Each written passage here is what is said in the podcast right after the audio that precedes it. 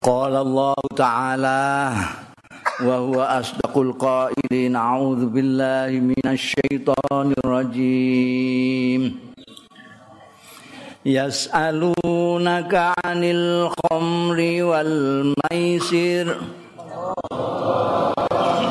قل فيهما إثم كبير ومنافع للناس. وإثمهما أكبر من نفعهما. ويسألونك ماذا ينفقون. قل العفو kadzalika yubayyinu Allahu lakumul ayati la'allakum tatafakkarun Ya aluna ka takon wong-wong kaing sliramu Muhammad anil khomri. Tentang khomer arak minuman keras. Wal maisiri lan totoan judi. Kul dawa sira Muhammad fihima iku ing dalem.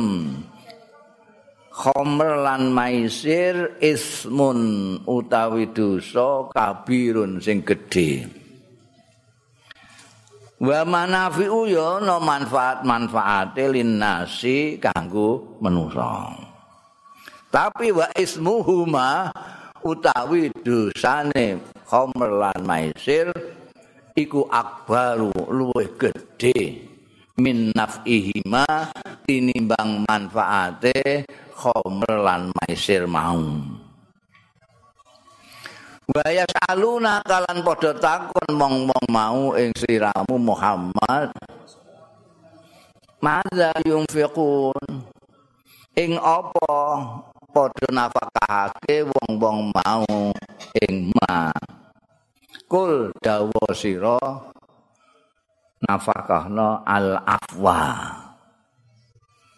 al afwa yo maknane asale pengapuran mriki maknane al afwa niku sing kepenak ati mun sing luwehan-luwehan wis gak butuhno rambut butuhno dhewe itu yang dinafakahkan nggo sedekah tapi turute Kadzalika ayu kaya mengkono mau keterangan yubayinu jelasake sapa Allah Gusti Allah laku marang sira kabeh al ayati ing pira-pira ayat.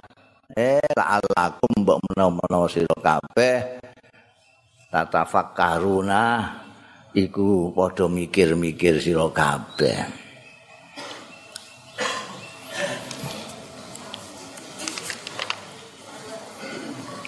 Minuman keras kalih totoan judi niku pun dadi budaya sing mboten karu-karuan temen. Teng donya niki termasuk ngene Arab zaman jahiliyah. Wong nandur kurma, nandur anggur, dipangan kok isih turah pirang-pirang, ah kok eman-eman terus dinggo minuman keras diproses jadi minuman keras. Niku pun jadi budaya. Malah segala macam niku buah-buahan ora mau anggur tok kurma nggo digawe arak. Napa-napa lah pokoke sing tanduran mereka niku. Carane gawe nggih macem-macem. Ana sing dipendem ana sing anu tambah lawas tambah mabukno tambah larang. Makanya tak niki Mulane nek sampean ningali niku film-film niku arep ngombe ndelok botol sik ngoten niku. Niku ndelok tanggal gawene kapan.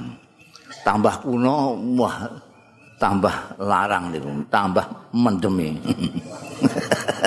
tambah mendemi, tambah ora eling utang barang. niku manfaate niku dadi. Do takon saking pun membudayanya minuman keras kalih totoan menika nglarangi Kanjeng Nabi miturut dawuh Gusti Allah taala bertahap. Bertahap. Jadi bangsa kelakuan-kelakuane manusa sing ngombe, judi, barang niku carane nglarang bertahap. Apa meneh sing wis kadung nyatok dadi tradisi, dadi budaya kaya ngombe arak niki. Mulane mangke tengene ayat-ayat sanesipun wonten malih.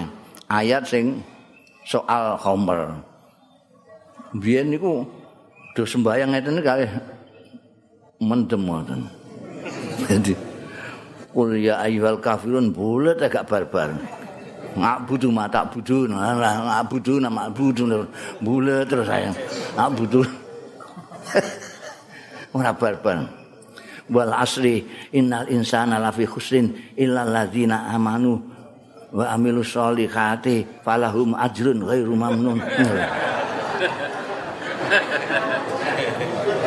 Terus alih Gusti Allah kanjeng Nabi ndawuhi nek arep salat iku aja parek-parek mek minuman keras. Engko kowe gak ngerti antarane njaluk.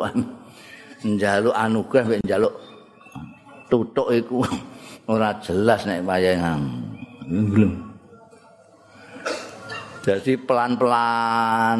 Ngene iki rak kayake kok kaya isih menolirir tesih anu iku ya ana Khomer iku ya ana manfaate, totoan iku ya ana manfaate. Apa manfaate khomer? Lho. Iku nek adem-adem iku ngombe iku terus sanget awake. Padahal nek tenggene Arab niku padha karo teng Eropa, teng Amerika niku nek adem niku ngantek di bawah nol. Jadi nggo manas-manasake awak niku ngombe arak.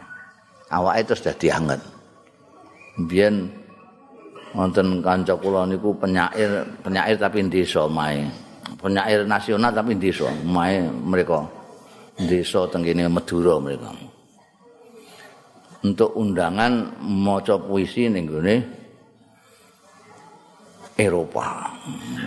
Kanca-kancane Jakarta terus wah sampai nanti ya harus minum arak di sana bisa. Sampai nggak minum nggak minum marak, nggak bisa baca puisi kamu. Kedinginan, sana dingin sekali. Makanya orang sana minum marak semua. Hmm. Terus miki metuki kula, niki sepuh Gimana ini saya itu dapat undangan di sana? Datang apa enggak ya? Itu kenapa? Soalnya kalau di sana kan harus minum arak itu. Harus minum homer. Gimana ini? Apa ada kemurahan ya? Kalau dingin sekali boleh ya. Sampean itu, saya ini sudah berkali-kali di Eropa. Hmm, enggak pernah minum malah. Lu enggak kedinginan ya enggak. Lu kok bisa? Ya aku nggawa jahe kau Indonesia. Itu jahe. Doa ya. Jadi ana manfaat ya. Mulane tenggene tenggene Eropa Amerika bahkan secara internasional niku nek wonten pesta namine triparty jadi nek ketemu diplomat-diplomat niku ngombe terus nyicil kuaci mangan bangsa cilik ngoten kalih ngomong-ngomong soal diplomasi soal bilateral soal anu barang niku kalih. Niku mesti sing dienggo umben-umben niku komer niki. Jadi jadi ana diplomat orang ngombe niku nggih rada hebat niku istimewa. Ora pemah. Kula nate diundang hmm, tenggene pesta ngoten niku. Mergo kula jadi juara dari di juara ditetepno kalih pemerintah Thailand sing ning Mesir mereka sebagai atlet terbaik wow, Asia Tenggara. Diundang kali-kali pestane ngono niku.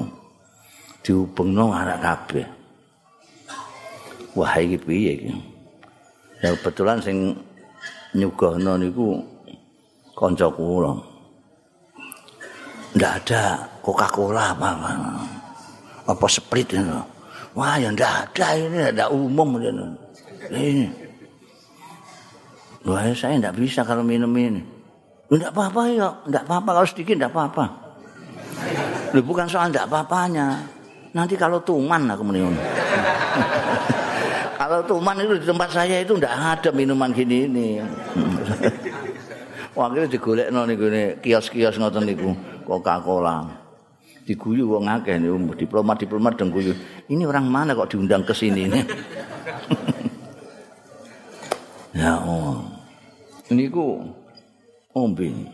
Teng Arab niku nganti sakniki nggih tesih niku delik-delik. Mergo niku pun budaya. Adem sithik ngombe arak. manfaate iso nganggep nanu iso kadang-kadang malah iso niku wau ngalekno utang barang dadi nek sampean terus eling ngombe neh ngono. Eling ngombe neh ngantek ora eling yo sowan lang guyang-guyu ngoten ngono kadang bojone bapake barang dipisoi barang ora peduli hmm. nami terus niku teng mriki sing rusak ngilangake akal biyen niku jaman kuno wonten cerita niku ana ahli agama. Cara sakniki niki kiai lah wonten kamar kiai. Kiai niku wis segepeng ibadah luar biasa. Sampai setan niku wah kiai iki bicara ning godho piye. Kiai kok ana sing apike ngene iki. akhirnya terus setan ini mendo-mendo jadi santri ini jadi santri ini ini santri ini ngawan orang tahu mangan poso kadang-kadang buka kadang-kadang orang membayang kopiah dia orang tahu kayak membayang duka membayang wah. Buwengi tengah wengi gak tahu turu sembahyang terus. Akhirnya diperhatikan kiai ini iki kok santriku kok ngalah aku hebat ibadah ya masya Allah hmm. terus diundang ditimbali kalau kiai ini kue kok ibadahmu kok ngantuk hebat itu mulai kapan kue ibadah nah, apa mulai cilik kue ibadah itu Boten, boten kiai, kula malah nembe mawon. Lho kok nembe kok ngono kiate? Nggih kula niki wong dosa kula kathah. Lek kelengan dosa sembahyang kula, kelengan dosa ibadah kula. Dosa kula niku rangkep-rangkep mboten karo-karuan. Kabeh dosa mboten kula lakoni kabeh. Lan jenengan nggih mboten iso konten ngungkuli kula. Jenengan dosa mboten ate. mulai cilik eh, wis sembahyang wis ngibadah mboten saged ora mosok gak iso mboten saged jenengan mboten nate dosa mboten saged ngibadah kaya kula. Hmm. jadi aku kudu dosa sik nggih.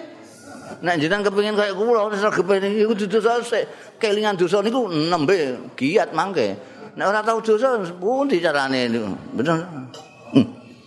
nggih. Pendak luwung ngoten mawon pancen mboten nate dosa. Ya, enake dosa apa Lha iku kula niku dosa gedhe-gedhe niku kula lakoni kabeh.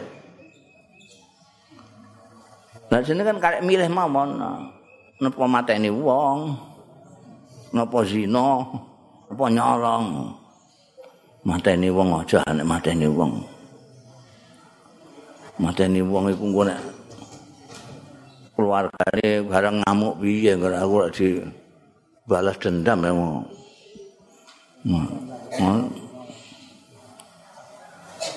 Lah pun, pun anu mawon napa nyolong-nyolong. Nyolong yo nek gak konangan, nek konangan niku dikeroyok wong sak kampung apiye aku. Ora sidung ibadah malah boyok kabeh aku.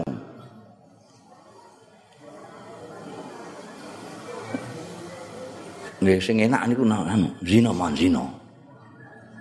Wah, zina aku di anak pedok pirang-pirang ya.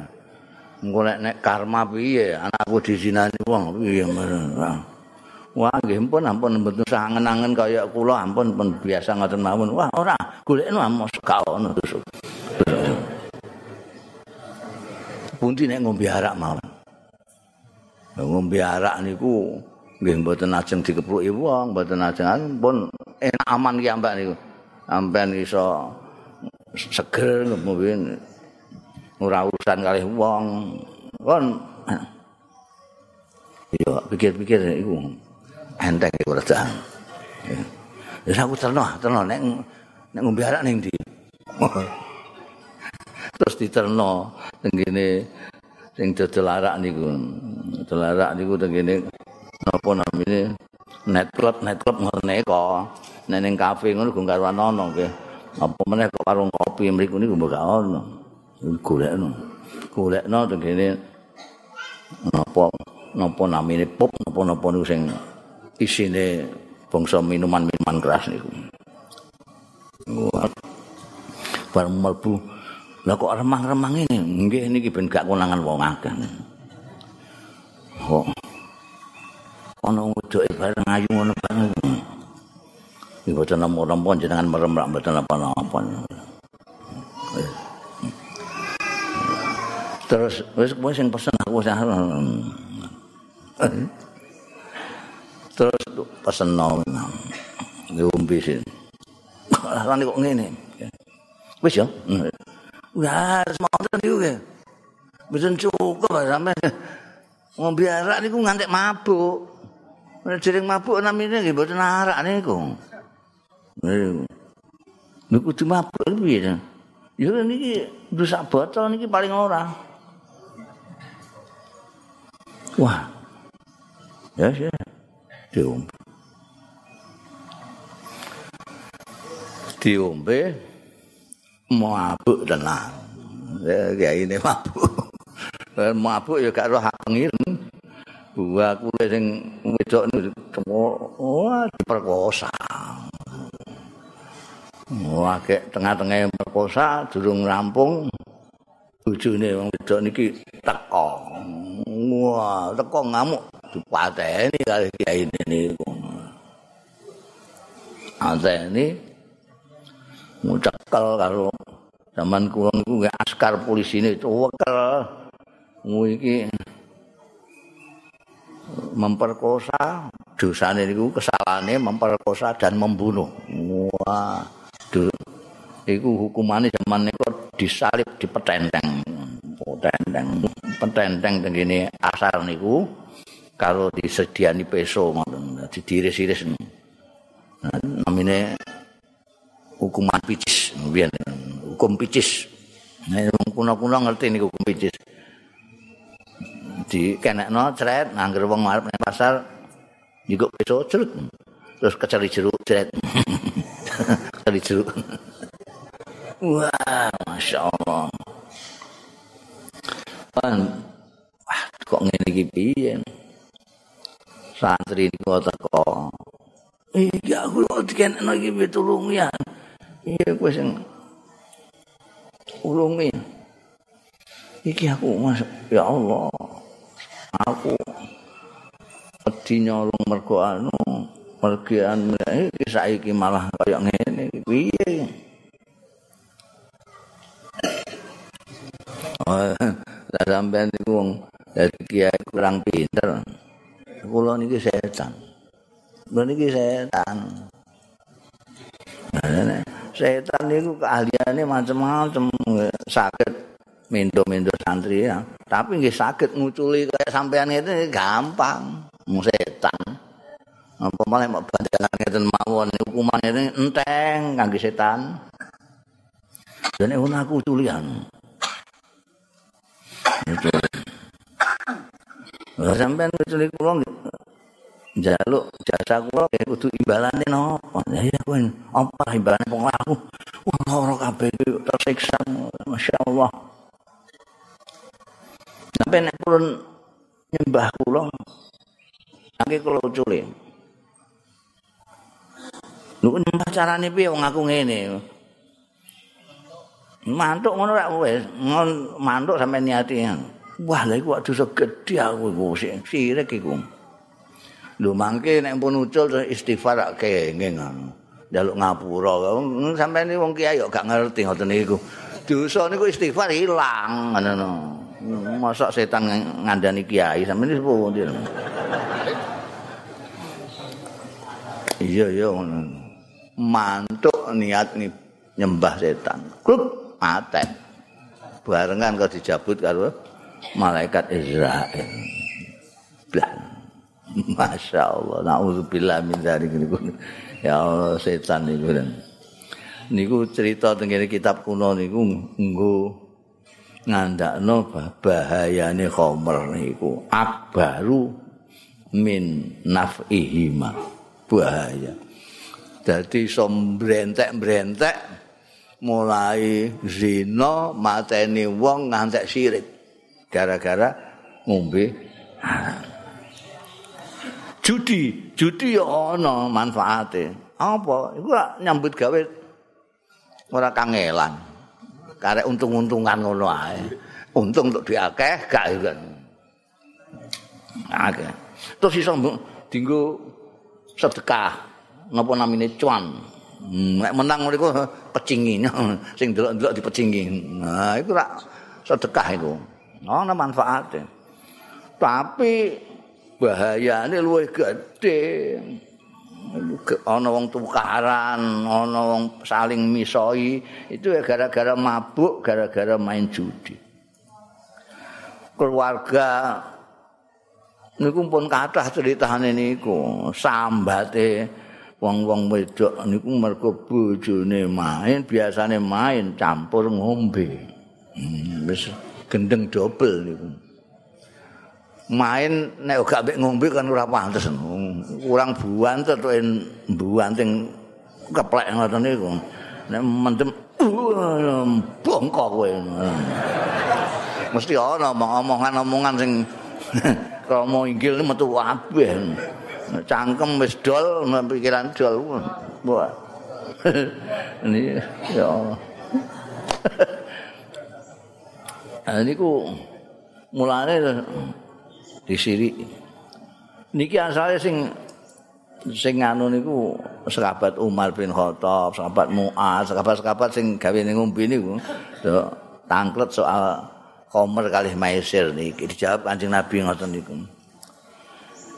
Mangke sing terakhir namal khamru wal maisir nika terus ritsun diharam netal niku ya gara-gara sahabat Umar pun kanjeng Nabi pun diharam ora ampun. Ya engko ah dawuh Gusti Allah piye. Mbangane ngene ya sehana sing ngombe ya. Ning ngombe niku gak ngerti dulur, gak ngerti apa-apa. Hmm. Nah, terus tiang-tiang itu takut, nafkah no bondo, niku sepundi carane. Nek do takon soal nafkah bandane, niku niku wong main niku. Ya nafkah bandane kan. Judi niku rak nggih. Netokno dhuwit, ngono nek menang ngeki wong niku nafkah terus pat nyuwun pirsa kali Kanjeng Rasul sallallahu alaihi wasallam.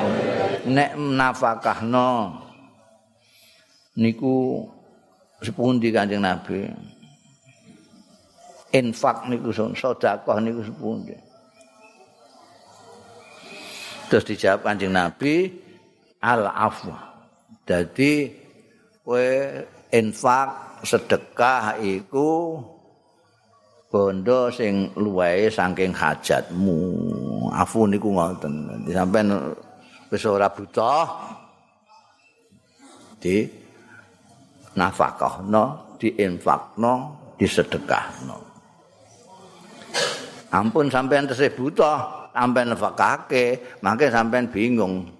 Ya aku terus ning golek ning ndi wong sampean tesih butuh. Nek wis ora butuh isan Lah ora butuh niki ana loro. ana ora butuh. Sampeyan pun ora butuh wis gak mangan wis ana malah nganggo ngantek pitung turunan.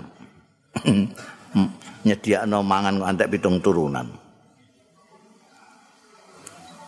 Arep nganggo ya wis pakaian patang lemari kebek kabeh. Ana lemari sarung tok, ana lemari kaos kaki tok, ana lemari. wis cukup apa neh? Omah omahe malah papat. Omah siji ae wis ora kudanan, omah papat malah kudanan. Mergo rono rene njajal imam. Butuh turu kasur wis rolas. Kasur wis rolas. Malah ra iso turu blas. Njajali kasur kene, njajali kasur kono, njajali kono. kasur yang ke-12 subuh. Wis gak butuh apa-apa. Terus niki disedekahno dinafkahno. Lah niki ana loro. Ana nafkah niku ora butuh. Tapi iman-iman niku ana. Ana sing ora butuh, ora iman-iman. Biasanya sing akeh sing niki. sing ora sing ora iman-iman niku. Bangsa pakaian bekas. Jadi nek anu sing dikek-kekno tak sing pakaian bekas. Gak ono pakaian anyar pangen sing diingi ae ora dikekno wong oh iki saya diingi dia apik iki sing anu patang tahun sing kepungkur iku lho isih ono kok etok ning lemari ngono iku. Golek wis dedel kabeh. Dikekno wong. Niku impak sing ora iman-iman. Ono sing impak iman-iman ya Allah kisah anyar ini tak kekno. Iya ya. Wah niku sing ganjarane gedhe nggih. Sing sampean tesih iman-iman sampean sukake. Iku ma'hubbi jenengan sing paling top niku nek sampean aweh tiyang sampean dhewe kepengin jane iman jane. Tapi dikek wong aku wis ora buta ae. Awake dhewe nek ngoten wis ora butuh bareng lho.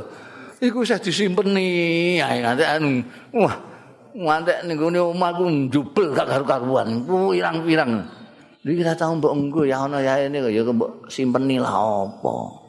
Seneng ya aku ini. Lu seneng dunya kok ngantek ngono. Ora butuh ora karep blas gak tau dienggo blas disimpen istilahnya saat ini koleksi.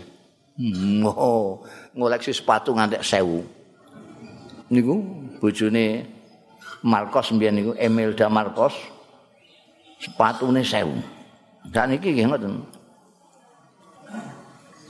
Kok Marcos kula mawon niku teklek kula niku.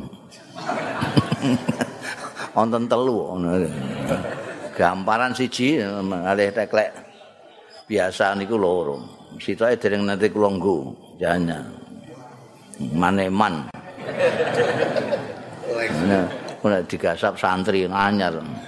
Sing kula-kula sing elek-elek niku ben gak digasap. Ayo.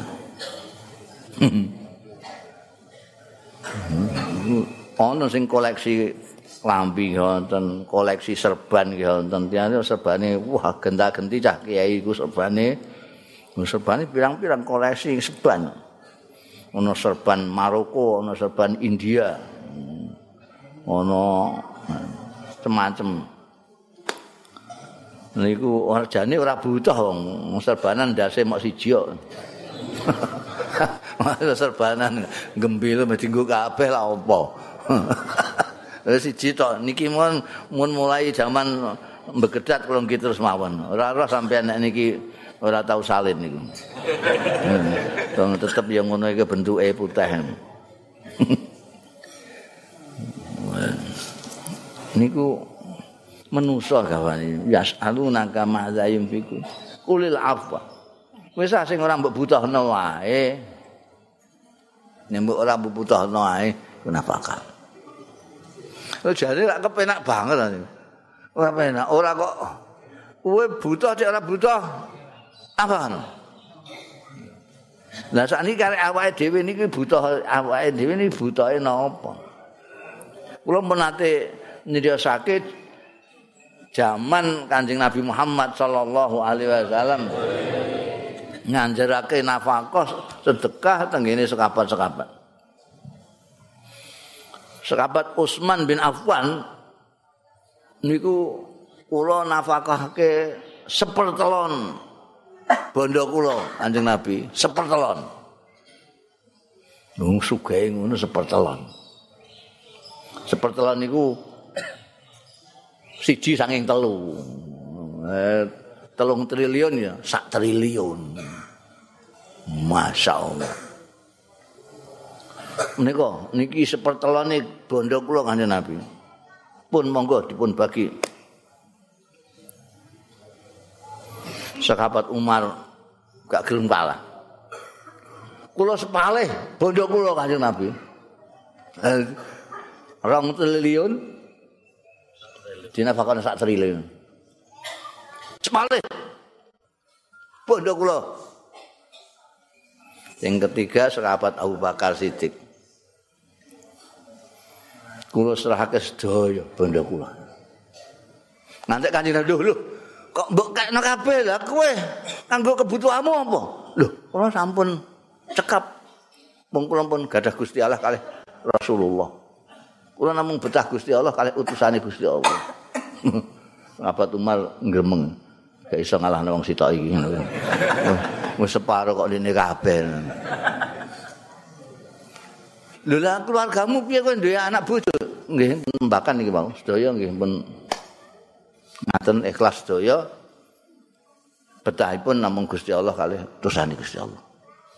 Wah, niku pun top-tope yang niku sahabat Abu Bakar Siddiq niku orang terbaik sesudah Kanjeng Rasul sallallahu alaihi wasallam. Oh, niku urutane ngoten niku. Meskipun meskipun nek dihitung jumlah bandane sekabat Abu Bakar seluruhnya ditambah separuh bandane sekabat Umar niku ora apa-apane dibandingno karo sepertelone bandane Sayyidina Utsman. Jadi tiang memberi nafkah sedekah itu tidak jumlahnya, tapi presentasinya. Sampean itu duwe duit puluh ribu, sepuluh ribu. Sampean sedekah nol lima ribu. Ini udah kayak sekabat Umar sampean. Kayak sekabat Umar. Sepuluh ribu kok di nol lima ribu. Masya Allah separuh kekayaan ini. Nek kula sedekah lima ribu. Wes medit gak karu-karuan duit kula kok ora karuan. Gak ketung 5000. Iku kan. Ana wong duwe duit 1 juta. Satu sewu niku mawon mesti kalah kali niku wau sampean sing 10.000 tapi 5.000. Deloke tenggene presentasi. Tapi yang Gusti Allah dan dadekno manusa niku duwe watek niku napa? Eman niku wae sing sing rada angel niku duwe sifat watek eman. Demene karo bondo niku sampai eman. Li hubbil khairi lasyadid khair niku mengguing manusa bondo niku. Paling apik niku berarti ora pun bolak-balik nontokno niku. Arep bayar karsis bis duit podo-podo duit sepuluh ewu ini digulekno sing lecek sepuluh ewu mana eman mana padahal nilainya podo sepuluh lecek sampai sepuluh ewu anyar gas podo mau sing lecek saking senengnya karo khair niku wau. Padahal ringan banget. Wong nafkah niku al afwa sing wis ora mbok butuhke ora pak mbok perlokke hmm. nah iki. Ngono isih kabotan Mbah, la'allakum tatafakkarun. Iku kaya mengkono mau Gusti Allah jelasake ayat-ayate. Mbok menawa-menawa kowe gelem mikir. Nah niki ngongkon awake dhewe berpikir. Tengene Quran niku ora mok dikongkon zikir tapi dikongkon mikir. Nek zikir kita pun sergepe ra karuan minimal pendak tahlilan.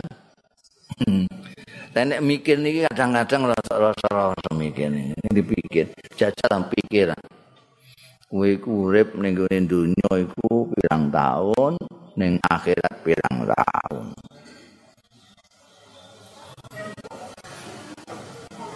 Kowe ning gone donya iku pikir, ning donya kuwi paling suwe kowe iku paling betah iku 200 tahun. Kowe nek betah 200 tahun lah. Eh, eh, 100 saya wis kuat sampean sambat-sambat. Ya, kula dereng 100 mau lara kabeh ngadeg lara, linggih lara, turun lara, lara kabeh. Lunga bar lunga sithik kerokan, pijetan dokter. Bona dipuri dipuri 200 tahun. Rong atus tahun karo teng akhirat, teng akhirat itu pinter selawase. Rong atus tahun karo selawase. Jai pikir, suwindi. Kon mikir. Suwindi yo. Rong atus tahun karo selawase. Mbok rong ewu tahun karo selawase tetep suwe selawase. Kaiki pikir. Sing kanggo 200 tahun niku kowe malah gak kuat 200 tahun njaluk setahun 100 tahun ae 100 tahun niku kowe butuh beras pira butuh lambi pira butuh bondo pira Mesti hitung, sampai hitung. Butuh semene miliat.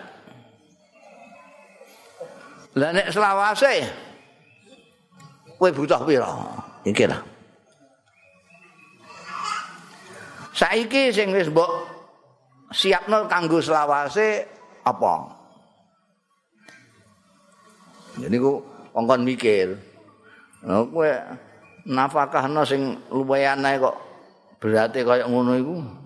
Rumangsamu nafkah iku kanggo sapa? Masamu kanggo wong. Kula pun nate cerita dawuh Sayyidina Ali radhiyallahu anhu. Sayyidina Ali ngendika ak pinter-pintere wong kuwi wong sing nafakahna bandane kanggo kepentingane dhewe. Kula baleni wale. Sak pinter-pintere wong iku wong sing nafakahna bandane kanggo kepentingane dhewe. Nek diwalik sak goblok-gobloke wong iku sing nasarupna bandane ora kanggo awake dhewe.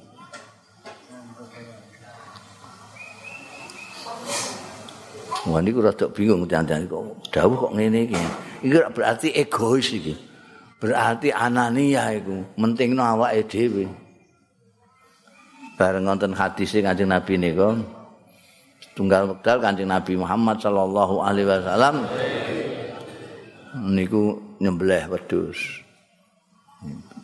Kanjeng Nabi niku mboten nate teng dalem niku ada sisa-sisa mboten nonton.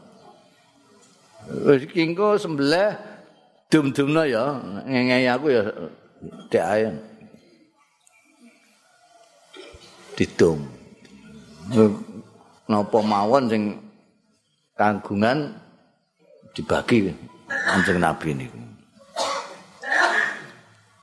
Bareng pun sembelih pun dibagi, kondur. Piye? Aku kebagian apa orang? Garwane niku jawab sampun telah sedaya kanjeng Nabi kantun menika. Kantun menika. Ana daging kok sampil sithik ngoten. Sampun telah sedaya kanjeng Nabi kantun menika. Kanjeng Nabi sing ngralat dawuhe kowe iki salah ngomongmu kuwi. Sing telas ya iki sing arep tak pangan iki sing mbok bagi-bagi mau isih. Paham jenengan? Kualik iki mau. sing mbok bagi-bagi ku mau sing isih iki sing arep entek jadi dawe Sayyidina Ali niku wau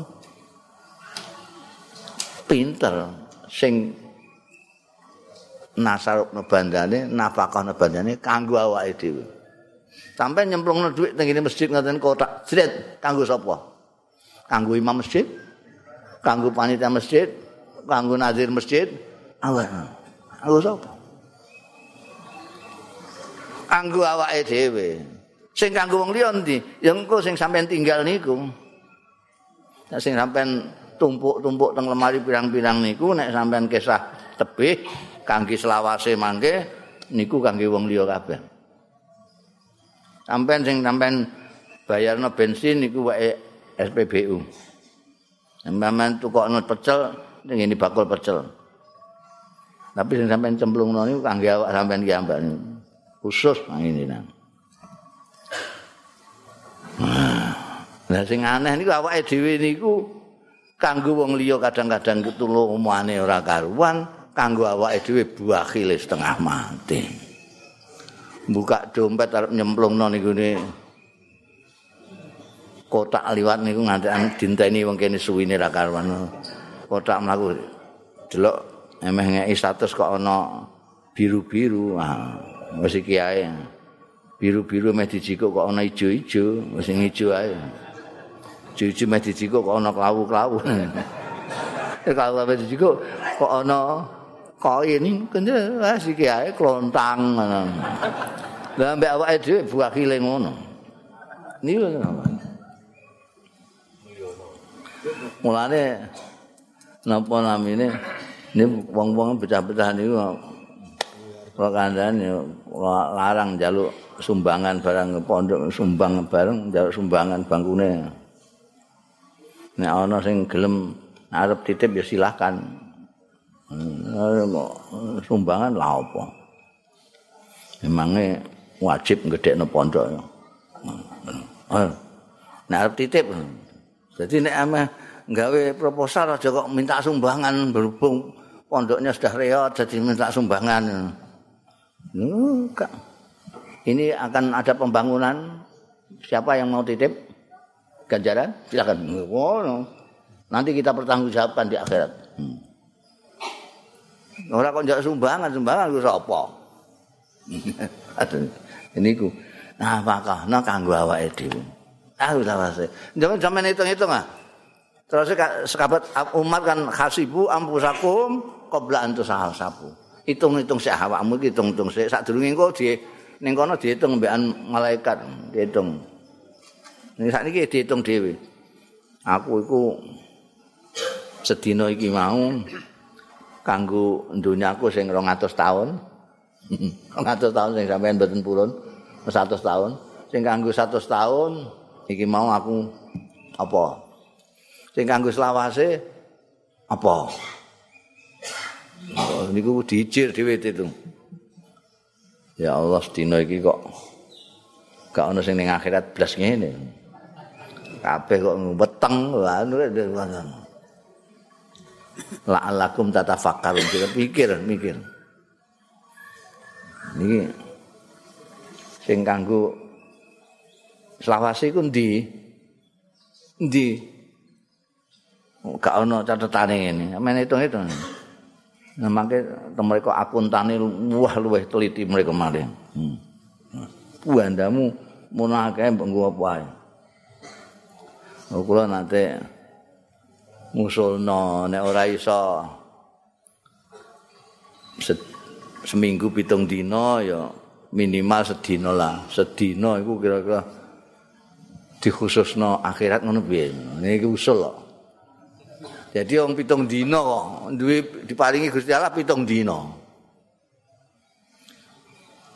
Timbangane kangelan saben dina ngitung. Iki akhirat pira, donya pira akhirat dina kangelan. Saiki pitung dina njaluk sedina ae. Sedina nggo akhirat tok. Iso apa ora kira usul. Dari 6 dina donya sing kanggo 100 tahun niku wau sedina kanggo akhirat. ngono isih kabotan ya sembong.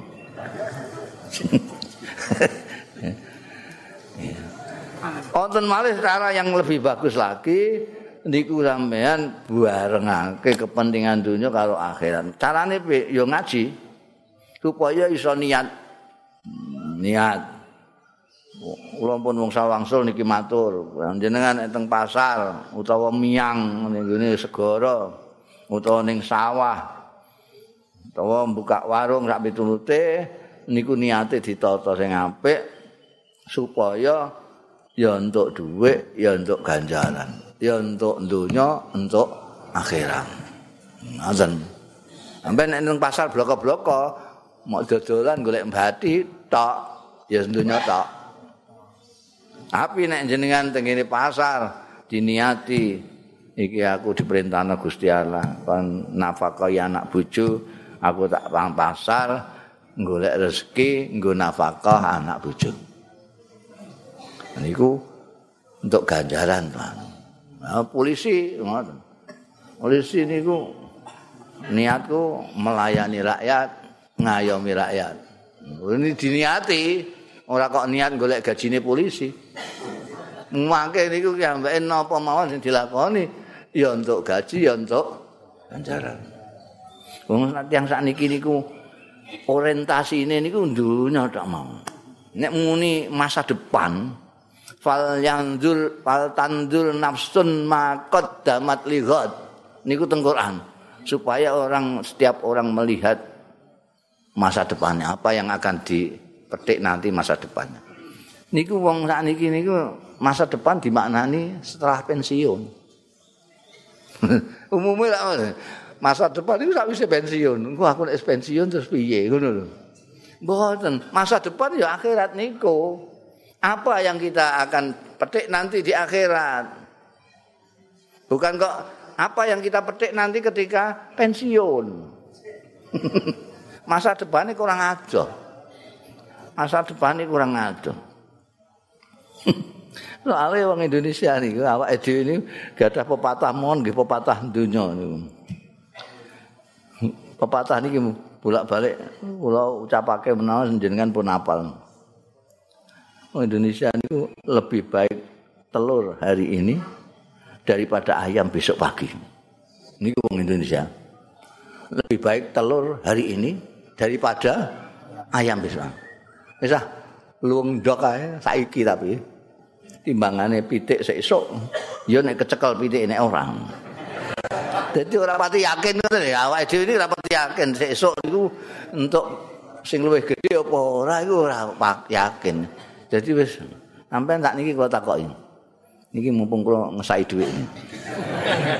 Sampeyan kula kei 100.000 napa ganjaran sak truk. Amin. Satu saya mawon dan karuan.